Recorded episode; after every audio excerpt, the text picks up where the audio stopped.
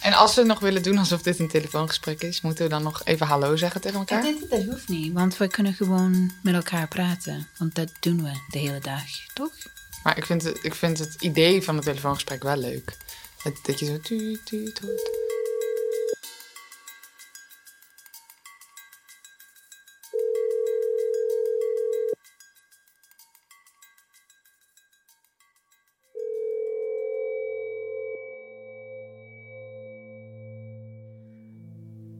Leugens worden gezien. Er zijn altijd getuigen, hoe groot of klein ze ook zijn. Maar hoe? Door wie? En wat is de impact van de eigenen die onze illusies in stand houden of doorbreken? We schikken ons in een realiteit die dit ons van onze behoeftes voorziet. Als mens hebben we tenslotte perceptie nodig. Hoe zetten wij onze gemeenschap, onze gezinnen, onze kinderen, onze geliefden en vrienden in om ons te helpen? We vragen hen om te getuigen. We vragen hen niet alleen te zeggen wat ze hebben gezien, maar te bevestigen dat wat ze zeggen in overeenstemming is met onze eigen perceptie van de gebeurtenis. We kunnen moeilijk omgaan met het tegengeluid. Is dit de behoefte naar de goede leugen, die overeenkomen waarheid als halfvast? En is dit fout? In deze aflevering kijken we naar drie verschillende rollen van getuigen: als bewijs, als co-conspirator en als inkleuring van de werkelijkheid. Miriam wordt in de vorige aflevering geconfronteerd met de uitspraken van een leugenexpert, een getrainde observator, maar niet bepaald een getuig. En nu praat ze met iemand die dit heel dicht bij haar staat. Oké, de teller van bewuste leugens staat deze maand op 2. Niet de meest spannende leugens, maar wel zo eerlijk om, zoals beloofd, met jullie te delen. Nummer 1. Hoi, ik eh, zou vandaag langskomen om mijn eh, ehm, Mercedes camper te stallen bij jullie. Maar hij staat eh, helaas in de garage, dus ik moet het afzeggen. Het is een, een hele oude bak, dus dan krijg je dat soms. Mijn camper moest echt naar de garage, maar dit stond al even gepland. In werkelijkheid had ik een veel goedkopere stalling gevonden, die ook nog eens dichterbij was. Maar ik was bang dat als ik de waarheid zou vertellen, ik toch zou moeten betalen. En dat zou zonde zijn. Compleet onnoodzakelijk, want de vrouw aan de andere kant van de lijn reageerde vriendelijk en bedankte me voor het doorgeven. Alsof het haar iets kon schelen of die ene camper nou wel of niet kwam. Mijn tweede leugen was tegen de kinderen van mijn vriend over de staat van het huis in Frankrijk dat hij net heeft gekocht. We zijn er eerst een week zonder kinderen geweest om het een beetje leefbaar te maken. En hebben als verrassing alvast de kelder omgebouwd tot een hangout, de spelletjeskelder. Iets waar we samen met de kinderen al maandenlang over fantaseren. En we noemen het de spelder. Bij thuiskomst liet ik de kinderen, zonder dat ze daarnaar vroegen, foto's zien van het huis en wat we allemaal hadden gedaan. Ik scrolde snel voorbij de laatste foto's van de spelder, op zoek naar de foto's die ik had gemaakt tijdens het afbreken van het oude stukwerk op de muren. Wat je zag was een onaangename, stoffige ruimte met afgebrokkelde muren, spinnenwebben en schimmels. Perfect. Ze zouden nooit geloven dat we hier al een fijne That 70 Show vibe-achtige hangout van hebben gemaakt. Zijn dochter zei: Wow, oké. En ik bevestigde haar gedachte dat het nog heel lang zou duren voor we hier iets van hebben gemaakt. Ik voegde er nog iets aan toe. Het, het is ook echt een heel oud huis, hè? er moet heel veel gebeuren. Maar goed, stap voor stap en ooit komt het er echt. Mijn vriend aan de andere kant van de woonkamer keek me aan en zei: Gaat het goed met je podcast? Hij doelde natuurlijk op mijn leugentje. En hij zei later dat ik ook gewoon simpelweg niets had kunnen zeggen. Dat was ook prima geweest. En hij heeft gelijk. Maar het verhalen willen vertellen was weer eens sterker dan de afspraak om niet te liegen. Het experiment brengt me veel meer dan alleen de uitdaging om geen leugens te vertellen. Ik ben gaan graven, gaan onderzoeken en liegen speelt een veel grotere rol in mijn leven dan ik dacht. Of misschien dan ik durfde toe te geven. Vorige aflevering hoorden jullie onder andere mijn zussen die vrij eerlijk zijn over vroeger. En dat ze me soms of vaak niet geloofden, kan ik ze echt niet kwalijk nemen. Ik was een grote fantast en ik maakte echt heel veel rare dingen mee. En natuurlijk kan ik dan niet verwachten dat ze me maar op mijn woord geloven. Toch waren er ook twee mensen die dit voor het grootste deel wel deden. Nou, wij hebben denk ik heel veel geloofd ook. Misschien waren het waren vooral je zussen, denk ik, die heel vaak zeiden... Nou, een beetje overdreven. Ik denk dat papa en ik in verhouding misschien wel veel meer geloofd hebben van jou dan, ehm, dan het uiteindelijk werkelijk was. Het is ook een soort toneelspel. Ja. Het is ook een soort andere Mirjam voordoen dan dat je echt bent. Ehm, is dat liegen? Dit is mijn moeder. Een topvrouw. Lief, sterk, zorgzaam en iemand die mij door en door kent. Ik heb geluk. Ik heb van die ouders waar ik altijd terecht kan, die mij steunen no matter what. En mijn ouders zijn degene die me vaak wel geloofden als anderen dat niet deden. Ik denk omdat ze mij als geen ander kennen, maar belangrijker nog, omdat ze een onderscheid konden maken tussen mijn grapjes, mijn fantasieverhalen en liegen. Ik heb het nooit als liegen ervaren. Ik heb het meer als een soort toneelspel. We hebben altijd gedacht, wauw, die kan al jong echt goed toneel spelen. Eh, dat was het meer, denk ik. Alhoewel het ook wel eh, af en toe heel riskant was, omdat we hier niet altijd meer geloofden. Ehm, en we dachten, het zal wel weer een grapje zijn. Dus wat dat betreft is het wel ehm, eh, heftig geweest. In de zin dat we gewoon niet altijd wisten of het serieus was. Maar als liegen heb ik het nooit op die manier ervaren. Nee, dat niet. In de vorige aflevering praatte ik met Sophie van der Zee. Ze stond versteld van mijn niveau van liegen, maar vooral hoe berekenend ik hierin ben. Dat is iets, denk ik, dat de meeste pubers wel een beetje hebben. Die zijn allemaal een beetje berekenend van, "Maar, bij die kan ik het wel maken, bij die moet ik het niet maken. Ik denk niet dat jij daar uniek in bent. Ik denk dat dat voor heel veel mensen geldt. Alleen wat jou misschien uniek maakte, was dat je behoorlijk geloofwaardig kon zijn in je verhaal. En ehm, omdat je heel betrouwbaar overkomt, iedereen daar dan blijkbaar ook gewoon in trapt. Soms vonden we het wel grappig. Het was vaak ook wel heel grappig. Eh, ehm, alleen het had af en toe ook wel grote consequenties afge... Nou ja, niet heel groot. Maar zoals bij dat politiebureau... Ja, dan schaam je je toch wel behoorlijk als je kind op zo'n manier... ehm, inderdaad je voor de gek houdt. Ik weet niet of het voorbeeld even verteld moet worden. Oké, kort dan. Je kent het wel.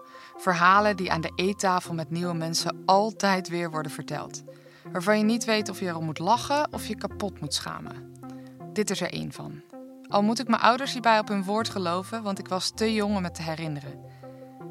Mijn moeder had vroeger een eigen kledingwinkel en moest om de zoveel tijd naar een politiebureau om aangifte te doen van diefstal. Mijn twee zussen en ik gingen mee. Ik was iets van 2,5 jaar en zat op schoot bij mijn moeder. Terwijl de agenten luisterden naar mijn moeder, zakte ik ineen. De agenten zag het gebeuren. Die dag had ik op school mijn hoofd gestoten, maar er was niet zoveel aan de hand, had de juf gezegd. Maar toen mijn moeder mij wakker probeerde te maken en mijn zussen me gingen kietelen, was er geen enkele beweging. De agent pakte de telefoon en belde de ambulance. Op dat moment opende ik mijn ogen en zei ik: Grapje! Ja, dat soort grapjes was wel echt ehm, iets of, ja, van jou. Maar tweeënhalf of drie jaar, hoe, hoe kom ik daarbij, denk je? Ik heb werkelijk wel geen idee.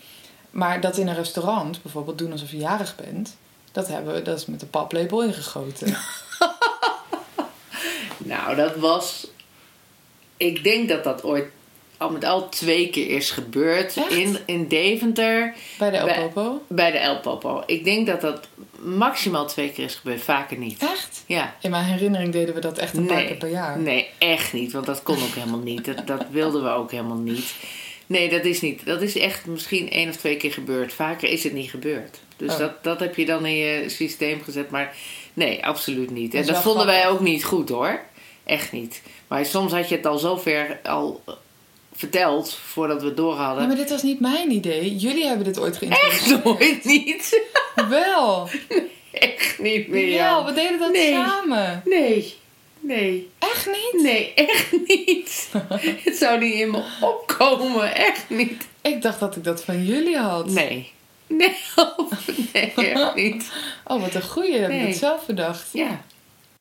Het is duidelijk. Geen waarheid is de waarheid, omdat onze herinneringen worden vervormd. We vullen de gaten op en nemen dat aan als de nieuwe waarheid. En als er genoeg mensen bij waren, kan je vast de meeste puzzelstukjes wel weer op zijn plek krijgen. Maar wat is de waarheid waard zonder getuigen? Ik praat verder met mijn moeder over iets dat, in elk geval in mijn beleving, misschien wel de grootste en meest heftige consequentie was van mijn fantasieverhalen. Op mijn zeventiende gleed ik uit op mijn fiets en belandde ik met mijn hoofd op de stoeprand. Een hersenschudding, niks ergs. Maar in de dagen die volgden gebeurde er iets raars. Je had zoveel uitval. Je kon, eh, kon niet meer lopen. Je onderbenen deden niet meer. Eén arm deed heel slecht. Je had één oog wat, waar het zicht grotendeels uit was. Ehm, het was echt een, een hele bizarre uitval waar we heel erg angstig waren dat het misschien wel nooit meer terugkwam. Ik stond bekend als iemand die graag toneel speelde, actrice wilde worden en hield van aandacht. Ik kon niet meer lopen, maar op de scans was niks geks te zien. Een optelsom. Met als uitkomst dat er niets ernstigs aan de hand was. Ik weet dat nog echt in het ziekenhuis, dat, waar ik bij was, dat ze ook tegen jou hebben gezegd toen van nou, er, er is niks aan de hand. En als, als ik niet kan lopen en iemand zegt er is niks aan de hand, dan is mijn constatering, zij denkt dat ik lieg. Ja, nou dat was verschrikkelijk. Wij hebben die eh, neuroloog die dat heeft gedaan ook daarna nog daar ernstig op aangesproken. Want het was verschrikkelijk hoe zij ehm, eh, inderdaad aangaf dat eh, er niks ernstigs aan de hand was. En, maar dat het tussen je oren zat. En ehm, de uitval. En zo heeft ze dat ook gezegd. Ja, en toen zei ze ook nog heel bizar van... ja, hoe ga je dat nou aan je vrienden vertellen? Kun je je dat herinneren dat ze dat zei? Tegen mij? Ja, dat zei ze tegen ons, waar jij bij was. Nee. Nee, maar goed dat je dat niet herinnert. Zij hebben Ja. me naar huis gestuurd. Ja, ze hebben je naar huis gestuurd met alle bizarre eh, ellende die daarbij kwam kijken. Maar dat betekent toch gewoon dat ze me niet geloofden? Dit is een moment waarop je getuigen wil. Iets aantoonbaars, bewijs, een scan, een foto, iemand die het ook kan voelen. Maar een conversiestoornis, wat de uiteindelijke diagnose was, is dus niet te zien en zelfs niet te bewijzen. Het gebeurt in je eigen lijf, in je eigen hoofd. Een kortsluiting van de verbinding tussen je hersenen en je lijf. Tegenwoordig is er veel over te vinden en snap ik beter wat er met me aan de hand was. Maar meer dan tien jaar geleden was dat nog niet zo makkelijk. Ik ben uiteindelijk in het revalidatiecentrum beland in Enschede. De jongerenvleugel was vol, dus ik kwam terecht op de amputatieafdeling, omdat daar plek was en omdat ik niet echt in een categorie paste. Godzijdank heb ik daar weer leren lopen. Ze hebben mijn systeem als het ware gereset. En gek genoeg zijn het niet eens zozeer de verlammingen die het ergst waren, of het wonen in een revalidatiecentrum, want ik had echt de grootste lol met de drie bejaarden op mijn kamer, maar het gevoel als pubermeisje dat je niet wordt geloofd. Was dit mijn eigen schuld? Had ik echt zo'n reputatie opgebouwd met mijn fantasie en mensen voor de gek houden dat ik het aan mezelf te danken had? Lag het aan mijn wens om later actrice te worden of was het omdat mensen het simpelweg niet begrepen? Ehm, maar sommige mensen kennen het begrip conversiestoornis. En ehm, een conversiestoornis is een stoornis wat dus, waarbij niet te bewijzen is wat er aan de hand is. Wij hebben vanaf het begin het gevoel gehad dat jij overbelast was en dat er, je bent toen uitgegleden met de fiets en met je hoofd op de grond gekomen. Dat dat daadwerkelijk de oorzaak is geweest van eh, de verlammingen die je toen vrij snel achter elkaar kreeg. En die waren eh, helemaal echt. Daar was niks bij bedacht of verzonnen. Dat kon ook niet. We waren wel eh, heel verdrietig dat de mensen om ons heen twijfels hadden over wat er aan de hand was. Maar dat was het ook, denk ik vooral. Het was heel ongrijpbaar. Omdat er geen duidelijke oorzaak was, was het heel ongrijpbaar. Ehm, ehm, en dat maakte het blijkbaar voor de omgeving heel ingewikkeld om daar iets mee te kunnen. En zo zag ik het. Het was bepaalde onmacht eh, van de omgeving. Hmm. Het niet begrijpen van de omgeving die het maakte dat ze afstand namen. En wij vonden het ook verschrikkelijk. Wij konden er ook heel geen kant mee op dat, er, dat we er niet met heel veel mensen over konden praten. Want het was, het was verschrikkelijk. Hmm. Maar we hebben vanaf, dag, vanaf het allereerste moment geweten dat dit echt was. Hmm. Daar hebben wij nooit over getwijfeld. Never, nooit niet. Ik vraag me af of mensen iets als liegen ervaren als de waarheid te moeilijk is om te begrijpen. Volgens mijn moeder heeft niemand echt gedacht dat ik had gelogen. Maar toch is het heel sterk in mijn geheugen gegrift. En eigenwijs als ik ben, ben ik op zoek gegaan naar bewijs hiervoor. En heb ik mijn volledige medisch dossier opgevraagd en doorgespit. Maar ik vond niets dat daarop wees. Heb ik dan zelf een waarheid gemaakt van mijn grootste angst om niet geloofd te worden? Ik ben er nog niet uit. In het hele verhaal hebben mijn ouders wel over iets gelogen. Niemand wist of het nog goed zou komen, of ik ooit nog kon lopen. Maar mijn ouders brachten me naar het revalidatiecentrum en zeiden dat ik daar beter ging worden, dat ik daar weer ging leren lopen. De optie dat het misschien blijvend zou zijn, heeft niemand mij gezegd. Nooit. En dit is misschien wel de beste leugen die mij ooit is verteld.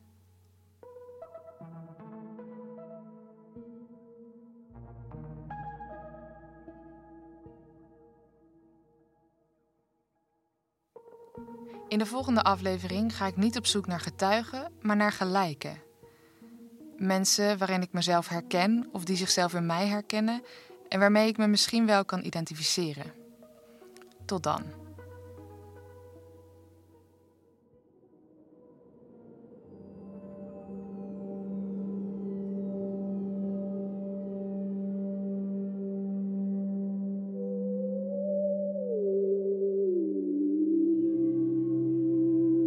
Maar ik vroeg mij ook wel af, hoe betrouwbaar is een moeder als getuige? Want als je mijn moeder dingen over mij vraagt, in sommige dingen is ze super streng juist. Eh, ik denk strenger dan tegenover andere mensen. En in sommige dingen zal ze alles goed vinden. Elk mens is slecht in echt details onthouden. Dus de geloofwaardigheid daarvan kan je natuurlijk bij iedereen in twijfel Maar, trekken. mi- maar misschien is de getuige iemand dat ziet jou met compassie of empathie of dat ze hebben een soort van meegegaan in, in, in de mogelijkheid. eh, het is eigenlijk dat mensen zegt, ik hou van je en ik zie je. Ik zie je. En dat liefde eigenlijk is eh, een toekenning. Ik zie je. Ik zie je aan al je liedjes en je, en je waarheden en al deze dingen. En ik zie door al dit verschillende dingen, ik zie jou nog steeds. En ik denk misschien inderdaad is een moeder wel de goede getuige, want de liefde is er. Misschien is dat de getuige wat we zoeken.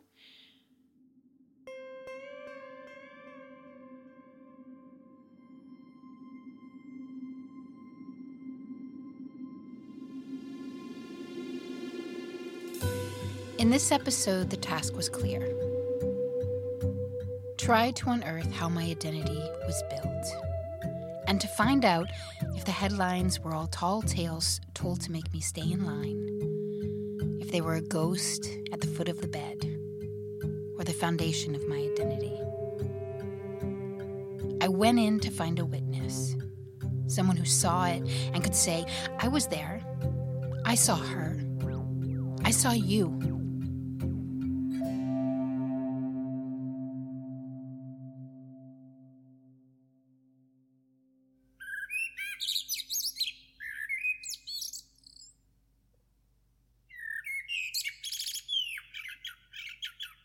About three hours after I got home from recording, my friend Sarah at me. Sarah's a hide the body friend. And when I called her earlier that day and told her what I was doing, she said, Oh, I always just assumed she was dead. I can help you, she apped. I was playing Mario Kart with the kids, and I was losing per usual. 12th, my daughter in the lead. The music's loud, I'm Toadette. The car is fast, but I'm not good at handling it, so I fly off the path. I get hit, I come back with some superpower, and I'm in third only to get knocked out of the running with a bolt of freaking electricity. It goes back and forth like this the whole game. Sarah apps, I can get this service. It'll tell me everything. Shall I do it? Rather than saying no, I respond gratefully. Because I am, just not right now. A few minutes later, she apps, I think I found her. But I don't want to know that. I wanted to park my mother for the night. But mostly, I didn't want to hear she was dead in the middle of Mario Karting. It felt anticlimactic, something I'd have to write myself out of. I have an address. Do you want it? 4334 Oregon Avenue, St. Louis, Missouri. It says here she bought the house in 2003. I hope it's a bit of good news, Sarah apps. She had a home. At least, if this is your mother, she has a home. Direct to Google Street View. Grab the yellow stick figure and dangle its body over the house and drop. A brick triplex. No, it's a quadplex. A single tree in the front keeps the door out of view. The arrows that move me don't let me walk up the cement steps, so I scramble along the street. It's a summer day. It's hot. I click, and suddenly I'm moved in front of a half open gray door. But I have no hands. There's a dumpster loaded with building materials. I move from right to left, looking to see if I can see in the backyard. I can't tell if it's the right backyard. I don't know where I am. But it's not run down. Overall, the streets are tidy. I walk to California Ave. The street names are in front of me with each click. I look around the Conoco convenience store. A man in a maroon pickup truck holding a red water bottle in the open window waits in the parking lot. A man in front stands completely bent over, looking at his shoe. A woman faceless on the stoop. I move to all the places she might have walked. By the Walgreens, a man in coveralls pushing a shopping cart, cap tilted to the side. I move up Broadway, and a man crosses the street, frame by frame, only to turn around and face the street as I pass. I stop and stare.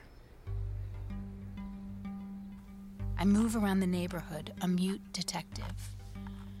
In front of the Phillips 66 gas station, a woman who could be old, could be young, black hair, capped sleeves, a cigarette in one hand, coffee mug in the other, a pronounced belly, small boobs, sneakers, face blanked out. I go back to the house. I look at those that surround it.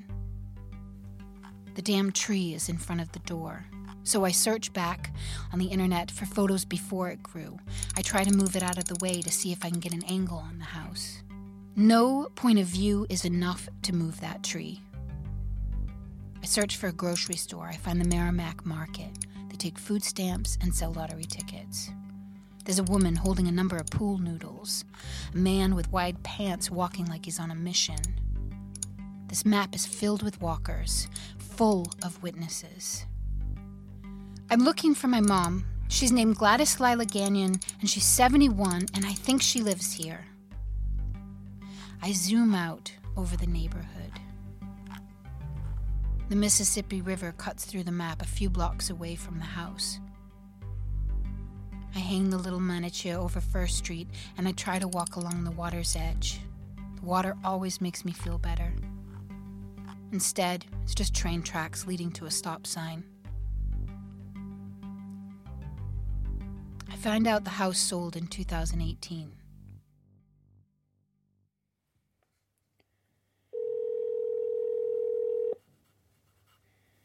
I found a witness. Her name is Betty. Hello. Hey, um, Betty? Yeah.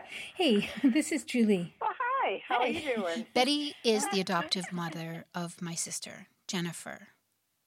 She was also, for a short time, my foster parent in 1989. But I haven't spoken to her since 1990. There were once three sisters. But to begin this story, we had two. One of us went to an adoptive home, a red-headed baby of 10 months old. The other, a two year old. That one went to a group home, and that two year old was me. Well, thank you so much for for yeah talking to me because I was going through all these photos and I realized the earliest photo that I have of myself is actually taken in your kitchen. Oh, no kidding. Yeah. I have to tell you that where I landed in the group home, I was happy and loved. Mrs. Tierney, who I've lost as well, and her daughters, they loved me deeply. But it was a group home. And in that time, if you didn't have someone to fight for you, you went back. So at five years old, I was sent to my biological family. The brilliantly blue eyed, red headed baby, she stayed with Betty and Bob, the two idealistic foster parents who saw her and knew she was theirs. It's really weird. Uh, a lot of people have said that. You, 10 years, you fought that system for her? Why didn't you? Why did you keep going? Why did Why didn't you stop? Because I just, I just knew that she was my kid. I just knew it. I asked Betty what she remembered about my mom. And I carefully asked what she remembered about me as a little baby. But her memory is only fixed on the 12 year old. Um, as a little girl, uh, you you were a nice little girl. I mean, you just always um, you seemed older than your years. I guess that's what I could say. Even as a little girl, I don't I don't remember you being um, loving with your mom. I don't remember that, but I think that's just who she was. She had a lot of baggage from her life, I think. And she wasn't tall, she was a small person. Um, never kept nice. Um, but I think from her working so much, I mean, she'd be working out in the in the uh, engine on the car and come to visit and you know her hands would be dirty her iq was probably low as far as schooling went and that kind of stuff i think she just didn't have it because i don't think she was ever offered that opportunity but i think that she was smart in a lot of ways as as, as far as um, she learned how to cope i mean my God, she went through a lot um, in her life. What we were told um, was that your mom was born and she grew up thinking that her mother was act- actually her grandmother. So her sister, what she can see how I how explain this right. This young girl had Gladys. Mm. Gladys was raised by that young girl's mother, and the, uh, Gladys was raised by her birth mother, knowing that that was her sister.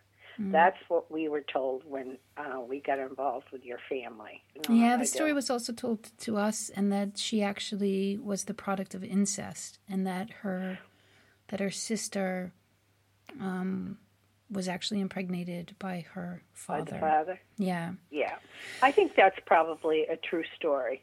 I, I, I just have to, I guess my whole thing I want to say to you, and I've always said this, I always said this Gladys was not a bad person. She was not. Anybody can have a baby, anybody can make a baby, but I think she loved all three of you kids um, in her own way, different than how you and I would love our children, but I wish she had a, had a, a better shot at life, but she didn't, and a lot of people don't. Um, but who knows? Maybe she's happy now. Maybe I don't know. A little backstory. In February 1989, I was brought back into foster care for the second time. And the very first home I went to was Betty, Bob, my sister Jennifer, and her brother.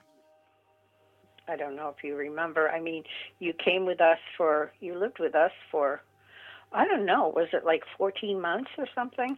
I think you and Jen didn't really know each other that well, but you wanted to, but it, I don't know. It just seemed, I think you grew up in, in different households and it was just, um, I don't know. I, I wouldn't say um, jealousy. I wouldn't say that. I'd just say different, different Mm. of each with each other, because you were sisters, but you didn't live together. And um, I remember when you'd come here, you'd have fun though. You'd have fun. You guys did crazy things. I I can remember you in the bathroom, both of you brushing your teeth, and um, I always thought how smart you were. I really always thought you were smart, smart girl. It's just back then we were young. Bob and I were young, and we were looking for that ideal, whatever, uh, family, and trying to fix. You know, back then it was, oh, if you love everybody, they'll they'll be okay. Yeah. That's not how it always works. it helps, but it doesn't always work that way.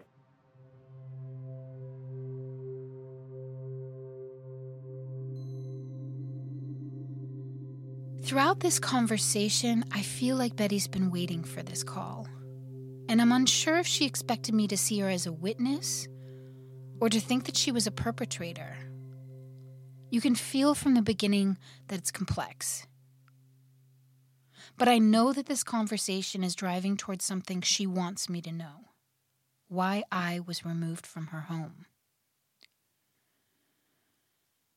Betty calls it leaving.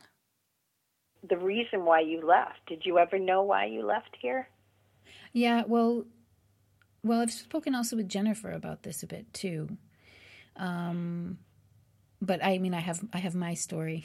We were actually, and I'm going to tell you, this is this is the truth. This is why you left. This isn't. It wasn't about us not wanting to keep you. It wasn't about jealousy with Jen.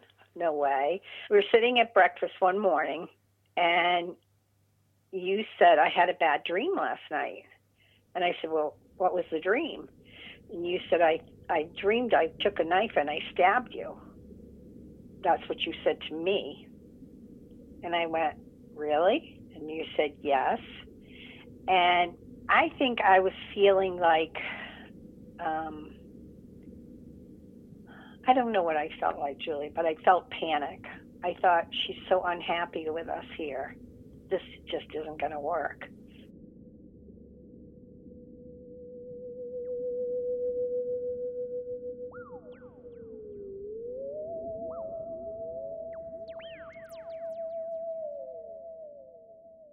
About a week after this call, I went through the recording again. It wasn't easy. And there, hidden between the story of my mother, I found this. So the, at one point, they went into the home, and Jen was in a uh, some kind of a bed type thing, and they the the first thing they noticed was somebody had made a blanket for her, and it had tons and tons of common pins in it, Mm. and it was on her. She was an you know an infant. A baby wrapped in a quilt with the long, sharp pins used to hold all the squares in place. I know those blankets. I was about, I don't know, four or five, and they had these scheduled visits at Mrs. Tierney's house. My mother had made me a blanket, a quilt. It was rough. The fabric wasn't soft, but it was big. I remember the color orange and yellow. I remember the light behind her on the couch. I remember thinking that they, my so called mother and father, might be those baddies from the movie Annie. But as they drove away, I stood in the middle of the street and watched, and I wondered when they would come back.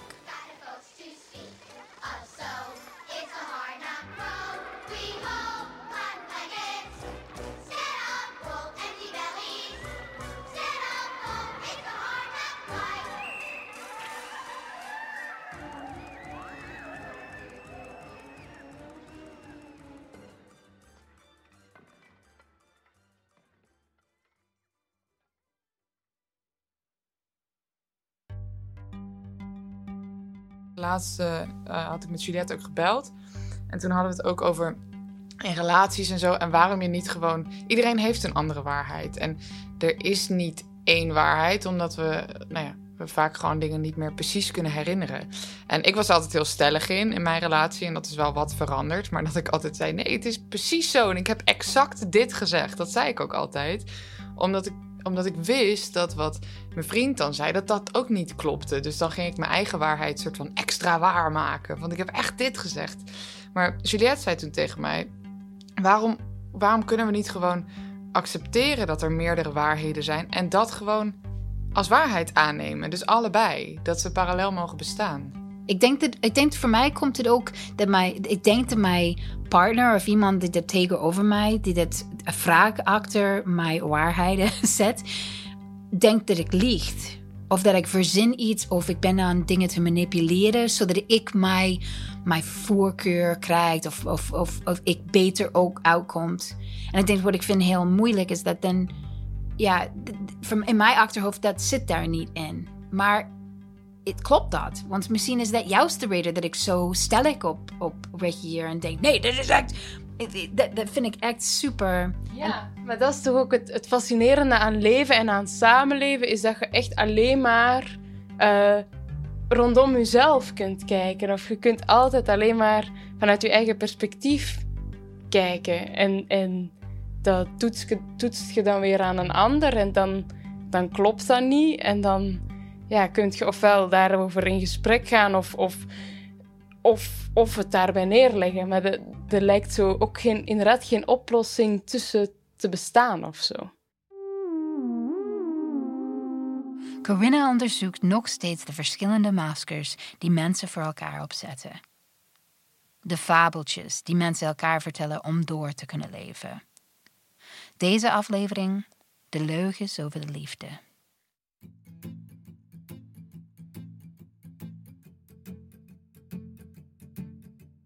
Deze zomer ben ik net als zoveel in Nederland op reis gegaan. Mijn vriend en ik huurden een huisje in Otterlo, namen zelfs onze fietsen in de auto mee.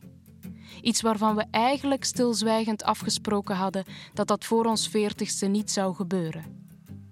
Het huisje bleek een riant tuinhok van een rijk stel, een soort clubhuis in de achtertuin. Het voelde tot onze opluchting toch nog een beetje rock and roll. Op de dag dat we op de fiets het Kruller-Müller Museum zouden bezoeken, regende het al sinds ik croissants in de spar van Otterlo was gaan kopen. Alsof ook de wolken ons deze ontzettend burgerlijke uitstap wilden besparen. En misschien net daarom, in een soort tegenreactie, deden wij er nog een schep bovenop en kwamen in een bevlogen lezing over draaiorgels in het Kijk- en Luistermuseum van Bennekom terecht. Met z'n achten waren we, het publiek. Vier verzopen koppels op zoek naar een klein beetje verstrooiing op zo'n miserige dag. De overenthousiaste spreker toonde een draaiorgel dat liefdesliedjes speelde. Hoe lang zijn jullie al samen? was zijn vraag. Niet in het bijzonder aan ons twee gericht, maar aan iedereen. Vijf jaar, zei ik. Vier en een half, corrigeerde mijn vriend, die altijd weer de getuige van mijn overdrijvingen is. Er zat iets van een trots in onze stemmen. Veertig, riep de vrouw achter ons. 36, de man, op het einde van de bank. 44. Er ontstond een spontaan applaus.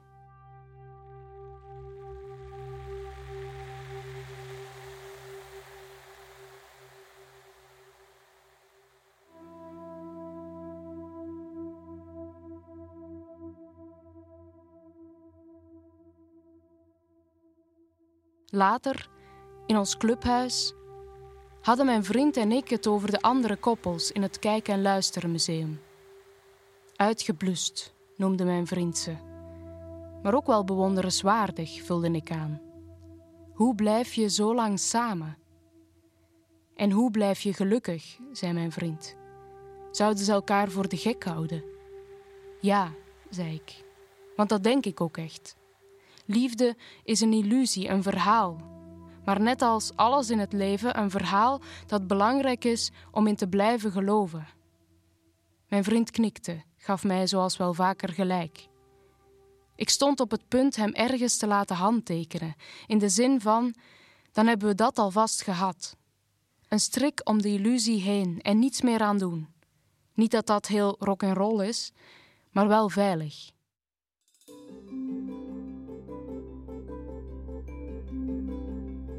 Dus Maar heel vaak, als jij dan door de, door de poort komt, dan denk ik, oh fijn, hij komt weer thuis. Ja, ja, dat heb ik Dus ook. dat Ja. heb ik nog steeds. Dit zijn Floris en Leonie. Ze zijn 33 jaar samen. En wij hebben elkaar ontmoet bij het, eh, bij het kampvuur, weet ik nog zo, aan het einde van, eh, van, van, van de nacht of zo. Met bier en, en vuur. Ze zeggen veel ja. Ja, ja, ja. Ja, ja. ja. ja. En eh, ja, En benoemen vaak dat ze een saai verhaal vertellen. Dat klinkt misschien een heel saai verhaal.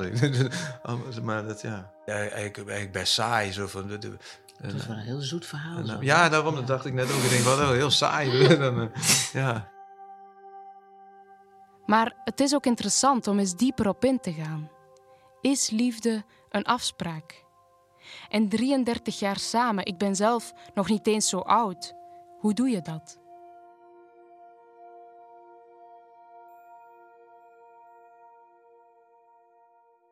Ik heb nu ook het gevoel van een van de dingen die, eh, die het leuk maakt, is dat we, dat we zo, zo lang ons leven al met elkaar delen. Dat eh, we zijn langer bij elkaar dan, dan dat we zonder elkaar geweest zijn. Nee, jij zei dat wel eens van dat, eh, dat herken ik ook heel erg. Dat omdat we elkaar nog zo jong kennen, blijven we elkaar ergens ook altijd zien als, als die persoon van, van, van toen. Van, ja, jij bent ook nog steeds twintig. ja, ja. Ja. En is het, want je zei daarnet van dat, dat ging zo in stapjes, van oh, nu, ging het, oh, nu zijn we een jaar samen, Mm. nu begint het wel lang te worden. Was er een moment dat je dacht, ja, dit is voor altijd? En kan je dat moment beschrijven? Nee. Ik heb nog steeds eigenlijk. eh, het is een, een keer ge- geweest dat, eh, dat Floris, toen we een jaar of vijf of zeven Ja, vijf. samen vijf. waren, werd Floris verliefd op een andere vrouw. Dus toen is het een tijdje uit geweest. En, en toen dacht ik echt van, nou, dat kan eigenlijk helemaal niet, want het is nog helemaal niet klaar. En, eh, en daarna eh, kwamen we dus weer bij elkaar. Maar dat betekende wel dat, we ook alle, dat ik heel, heel sterk het idee had van het is eh, ook, omdat het niet vanzelfsprekend is, is juist eigenlijk het fijne van, van de liefde. Omdat je dan ook je, je best moet blijven doen voor elkaar.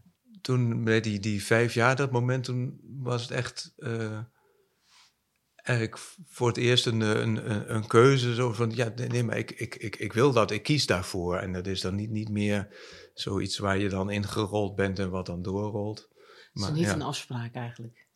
nee. Al vrij snel in het gesprek geeft Leonie heel duidelijk aan dat het geen afspraak is. Iets waar ik eigenlijk vanuit was gegaan. Het kan altijd voorbij gaan, zegt ze. Ik heb niet het idee van dat het, dat het dan zomaar ineens voorbij zou zijn. Of Ik kan me niet voorstellen dat ik dat zou willen. Maar ik denk dat het altijd wel belangrijk is om, eh, om, om de, leuk en aantrekkelijk te blijven voor die ander. En dat, dat ook te willen zijn. En dat het niet een, eh, ehm, niet, niet, niet een vanzelfsprekendheid is van... eh, dat hebben we, dus, dus, dus daar, daar kan ik op rekenen. Of dat is een soort eh, Ja. garantie of zo. Maar ja, ik, ik moet haar bij wijze van spreken eh, eh, elke dag weer, weer verleiden of zo. Ik Van, om, om, om bij me te blijven. Zo, dat is, eh, en zij mij ook. Ja, dat is, dat is niet, niet zo moeilijk, denk ik. Maar. ik ben heel makkelijk te verleiden. Ja, ja, nee, ja. Het is, ja. En, ehm, en zijn jullie getrouwd? Nee. Nee, nee. Heeft dat ook die, die reden? Nou, ik ben, hij heeft me wel een aantal keren gevraagd, maar ik heb altijd nee gezegd. Ja, Da- daarom, omdat ik echt eh, nooit iets met trouwen heb gehad. Omdat ik daar ook een beetje dat gevoel bij krijg van het, dat het een afspraak is of zo. En, en dat voelt voor mij niet, eh, niet, niet fijn.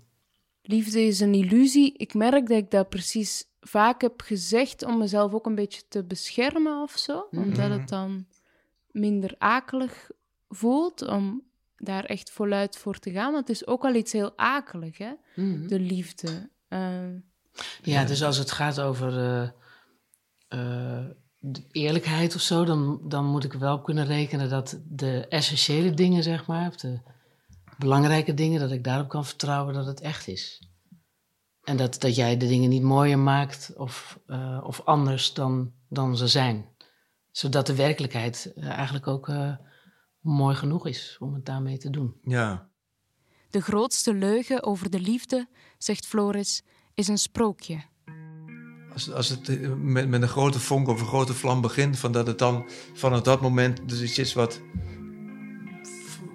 van, van altijd vanzelfsprekend, dat, ja, dat, dat het daarmee rond is of zo. Ik denk dat zoiets, dat is een beetje het idee van een sprookje. Dat is altijd, ja, het, het begint, je maakt dan het begin ervan mee in het verhaal. En dan is het ineens, hup, en ze leven nog lang en gelukkig.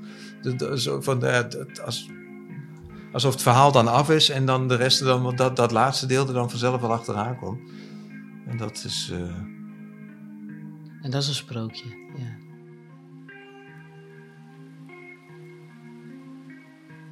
Dat, uh, ze leefden nog langer gelukkig en ze gingen dan te, te, tegelijk dood.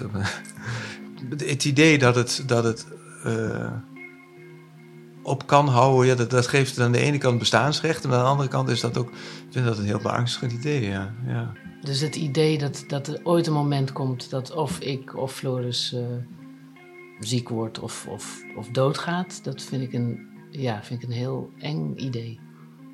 Ja, ik zou ervan. Ik, maar ik, ik, ik, hoop dat zij als eerste doodgaat. Ja.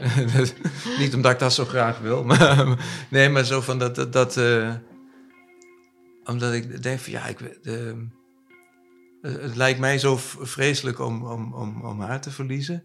Ik denk van ja, dan andersom wil ik haar dat niet aandoen. Door, door zelf dood te vallen en dan uh, denk ik van ja, dan, dan moet, dan moet, ja, nee, dan, dan, dan, dan moet zij zonder mij verder en dat. Hoe langer ik met Floris en Leonie praat, hoe meer ze met elkaar gaan praten. Het gaat vanzelf, geloof ik. Later die week schuif ik bij Ton en Bernard aan. Ik weet nog dat hij de trap opkwam bij mij en ik dacht, nou dat is hem, dit is goed. Dit is Ton. En dit is Bernard. Ik kwam niet zoveel mensen tegen uh, in mijn leven die uh, uh, op een boerderij opgegroeid zijn, met koeien en al dat soort zaken. Daar kom ik niet zo vaak tegen. Ja, dat herkende hij direct. En ik dacht, oh, dan ga ik eens gewoon eens onderzoeken. Grote katholieke gezinnen, opgegroeid. Dat gemeenschappelijk. Ze vonden elkaars contactadvertentie op een datingsite, zagen elkaar op de trap van Ton en zijn nu 14 jaar een hond en veel verbouwingen verder. Dit vinden ze een verkeerd idee van een lange relatie. Dat je elkaar altijd leuk vindt. Nou, nee, hè? nee. Ja, dat is gewoon niet. Dat is onzin. En dit ook. Uh, dat je, als je een lange relatie hebt, een goede lange relaties, dan ken je elkaar van haver tot gort. Nou, daar geloof ik ook niet helemaal in. Nee. Ik denk dat iedereen gewoon ook nog een eigen, inter, gewoon een eigen beleving heeft en, en die je ook niet altijd, eh, altijd uitspreekt. En misschien inderdaad dat je uh, soms dingen verbergt of niet zegt, omdat dat niet belangrijk is, of je wil een ander niet kwetsen. Of kan ook. Je moet je er ook zorg voor elkaar. Hè? Zelf dat nog kan... over nadenken. Of, uh... Weet je, we hebben, ook wel eens, wat, daar hebben we het ook wel eens over gehad. Zo over, over eerlijk zijn en oneerlijkheden en dergelijke. Wat dat nou eigenlijk met je doet. Mm. En uh, we hebben, ik, ik zeg ook wat van. Ik heb tegen, wij, wij hebben dus een exclusieve relatie. Dus wij zijn alleen met elkaar. En ik zei, weet je, je mag best, het mag best met anderen, maar ik wil het niet weten. En je moet heel goed kunnen liegen. Heel goed. dat kan Want anders is het klaar. Nee, dat mag best. Ja, weet je, als ik het maar niet weet. Ik wil daar niet, niks mee te maken hebben. En dus je moet van verdomd goede huizen komen om dat op die manier in elkaar te steken. Wat, en ik ga, ik ga me daar ook daarna niet, stel je voor dat het dan uit zou komen, zou ik me nog niet eens lullig over voelen. Dan is het, ja, weet je, hier is het. Dat, dus ik denk ook van, uh, ja, dat ik het niet zo heel problematisch vind dat je ook sommige dingen niet zegt. Ton en Bernard leerden elkaar op late leeftijd kennen. Ik was toen 42, jij bent een paar jaar jonger. Jij was toen 38, 39. 39.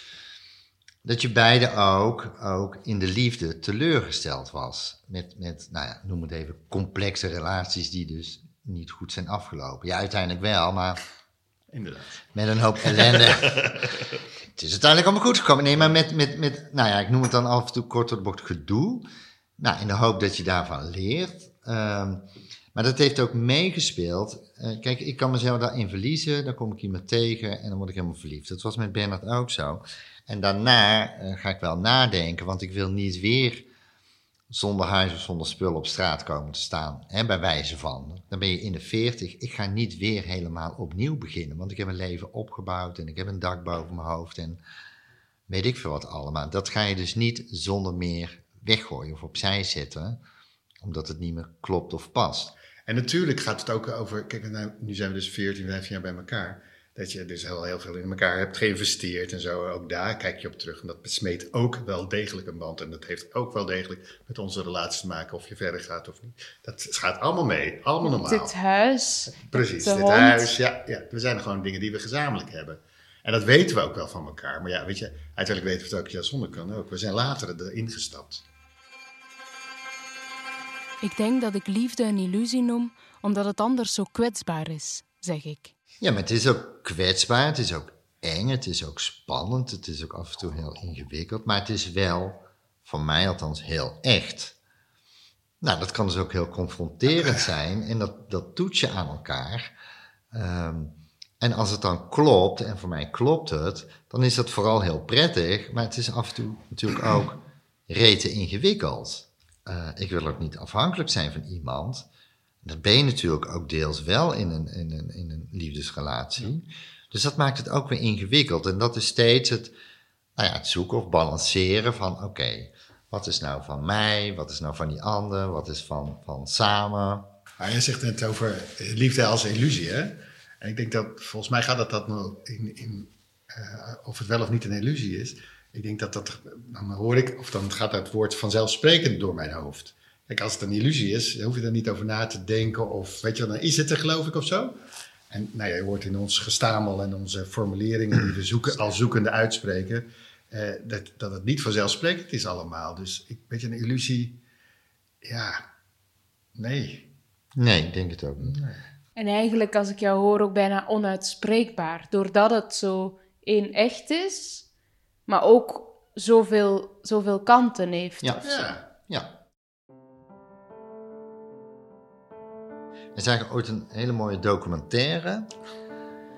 Ik weet niet meer hoe die heet, maar die heeft dus heel veel indruk gemaakt. Het ging ook over liefdesrelaties tussen mannen en mannen, mannen en vrouwen, vrouwen en vrouwen. En er was op een gegeven moment, waren twee mannen, echt op leeftijd, die elkaar op een later moment hadden ontmoet, maar die dus vertelden over elkaars leven. En eh, er was een documentaire met beelden erbij. En dan zie je dus twee oude, verschrompelde lijven ook in bed liggen. En ik had zoiets nou, dat is niet dat ik dat dan heel spannend vind of dat ik dat per se moet zien. Maar Bernard maakt de opmerking van, god, dat zijn wij over zoveel jaar. En dat is van de ene kant een schrikbeeld. Nou ja, dat zegt wat over mijn moeite met ouder worden. Eh, maar van de andere kant heeft het iets heel moois. En, en ook die documentaire was heel mooi. En daarin zie je dus ook de liefde voor elkaar en voor elkaars ideeën, gedachten, geest, lichaam. Dat, dat zat er allemaal in. Dus dat was wel heel mooi. En dat is dan een soort van, oh, zo kan het dus ook.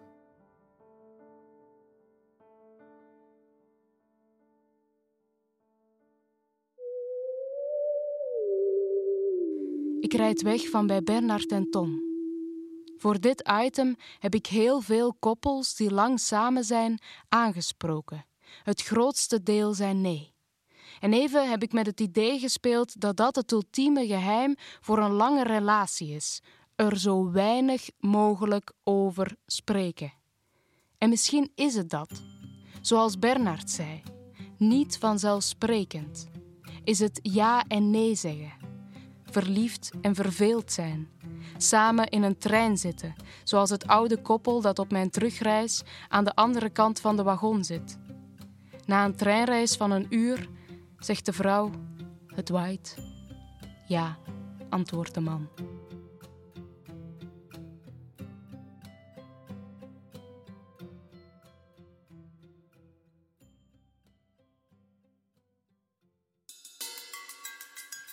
Volgende keer behandelen wij de maskers die we dragen en vooral wat als je onmaskerd wordt. Is dat erg? En waarom? Corinne gaat op zoek naar mensen die liegen voor hun werk, Miriam naar gelijke en ik naar St. Louis, Missouri. Het Leugenloket. Voor deze podcast verzamelen we leugens. Help ons door een leugentje in te sturen naar het Leugenloket. Bel, app of spreek en voice messagen op het nummer 06 82 388 335.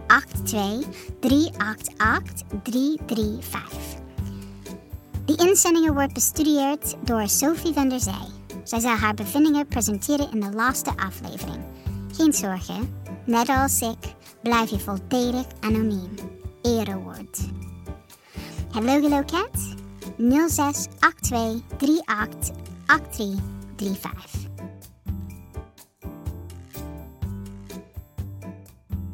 Drie uur s'nachts is geproduceerd door Stichting Watershed met steun van het Nederlands Letterenfonds en Stichting Cultuur Eindhoven. Benieuwd naar meer podcasts van Watershed? Ga naar www.stichtingwatershed.nl.